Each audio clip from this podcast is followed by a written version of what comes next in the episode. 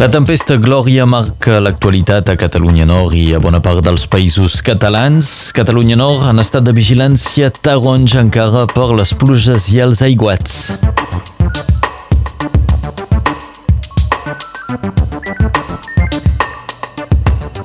A la resta dels països catalans també inquietud del banc de Girona pel possible desbordament del riu Unyà i el Daró. També tenim eh, a la zona de l'Ebre un mar que ha entrat dins les terres inundant fins a 3.000 hectàrees de camps d'arròs.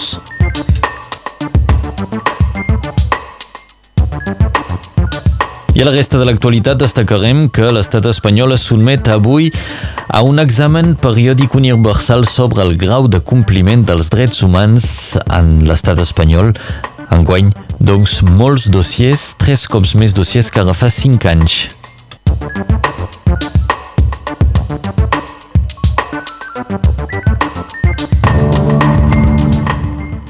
Matí Catalunya Nord encara està plaçada sota vigilància taronja per les pluges, els aiguats i a muntanya també pel risc de llaus.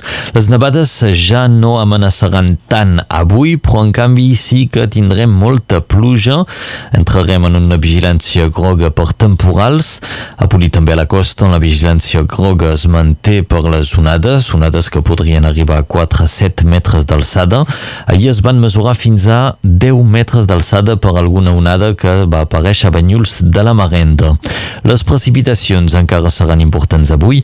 Un fenomen d'est portarà cúmuls de pluja de 250 a 350 mil·límetres en 48 hores. El cabal dels rius és alt, però encara no ha arribat als nivells d'alerta màxima. La Glia està particularment vigilat aquest matí, està sota vigilància taronja, mentre que el TEC, el la TET o el REART estan en vigilància groga. Aquest episodi de tempesta encara s'hauria de mantenir fins a dijous. Actualment 380 bombers estan mobilitzats encara durant dos dies. Els bombers nord-catalans han rebut l'ajuda d'efectius dels departaments veïns. Fins ara cap intervenció rellevant. El dispositiu seguirà actiu durant els proxi, les pròximes hores per les previsions meteorològiques anunciades. I els bombers demanen que es respectin els talls de carreteres, en particular els guals que seguiran tancats avui. Un automobilista va voler forçar el pas en un gual tancat a Pollastres, una decisió desafortunada ja que l'home es va trobar bloquejat per la força de l'aigua i va haver de cridar als bombers. El conductor va ser rescatat sa i estalvi. I ahir prop de 5.000 cases se van quedar sense electricitat, majoritàriament als sectors del Vallespí i del Conflent. És la neu qui va provocar aquells talls de cables elèctrics.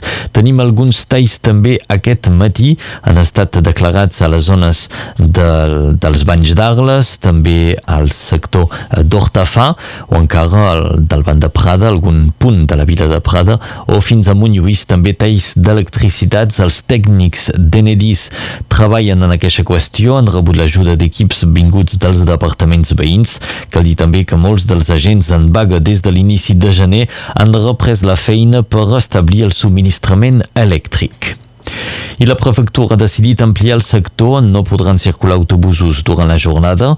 Com ahir, els transports públics per carretera seran suspesos al Conflent, a l'Albaiespí, a la Cerdanya o al Capcí, però avui també s'ha d'afegir en aquesta llista els sectors de la costa i de les alberes. En aquestes zones, els autobusos escolars i els de línia no circularan. La tempesta Glòria impacta actualment al nord i al centre dels països catalans, després d'haver deixat dos morts al sud del País Valencià. A les comarques de Girona el que preocupa més avui és el risc de desbordament dels rius Unyà i Daró. Preventivament les escoles del Baix i l'Alt Empordà, però també el Gironès, la Selva i el Pla de l'Estany no obriran avui. A la Costa Brava i a la Costa Daurada s'han registrat onades de fins a 13 metres i a la costa de Barcelona s'està parlant que aquest podria ser el pitjor temporal a Barcelona en els darrers 20 anys. El delta de l'Ebre, el mar, ha inundat 3.000 hectàrees de camps d'arròs i ha provocat molts danys al litoral. Les destrosses fan que diversos ajuntaments del delta es plantegin demanar la declaració de zona catastròfica. A la resta de l'actualitat, a l'Audiència Nacional Espanyola segueix el judici contra el major dels Mossos, el major Josep Lluís Trapero, i també la resta de la cúpula dels Mossos durant l'1 d'octubre. Trapero va ser interrogat ahir pel tinent fiscal de l'Audiència Nacional en el que s'ha convertit en l'interrogatori més llarg que un acusat del procés. L'acusació de moment encara manté el delicte de rebel·lió contra Trapero i també contra l'exdirector general de policia Pedro Soler i l'exsecretari secretari general d'Interior César Puig. Aquest dimecres és el torn de l'advocada del major Trapero d'intervenir. I l'estat espanyol se sotmetrà avui a un examen periòdic universal sobre el grau de compliment de drets humans. Es tracta d'un mecanisme d'avaluació del Consell dels Drets Humans de l'Organització de Nacions Unides, al qual se sotmeten cada cinc anys els 193 estats membres.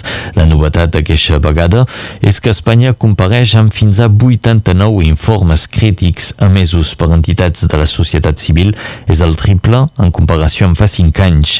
Aquests informes fan referència, entre altres, a les càrregues policials de l'1 d'octubre del 2017 i les conseqüències judicials que se n'han derivat. Acabem amb una reunió d'urgència avui a l'Organització Mundial de la Salut, reunió per intentar frenar l'expansió del coronavirus que ahir va fer tres noves víctimes a la Xina.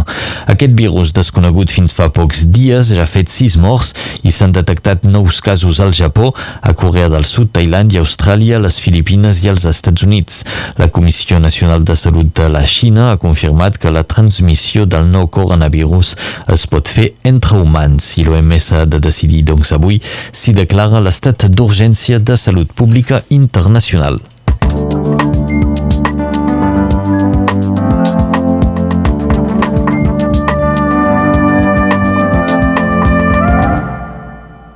Seguim amb la informació. Ara és la previsió del temps que ens interessa, previsió que ens presenta la Laura Bertran.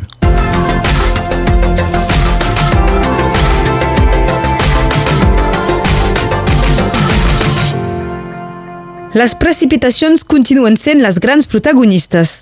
Aquest matí, les pluges poden ser acompanyades de tempestes, sobretot a l'est del país, des de la Fenolleda i la Salanca fins a l'Albera.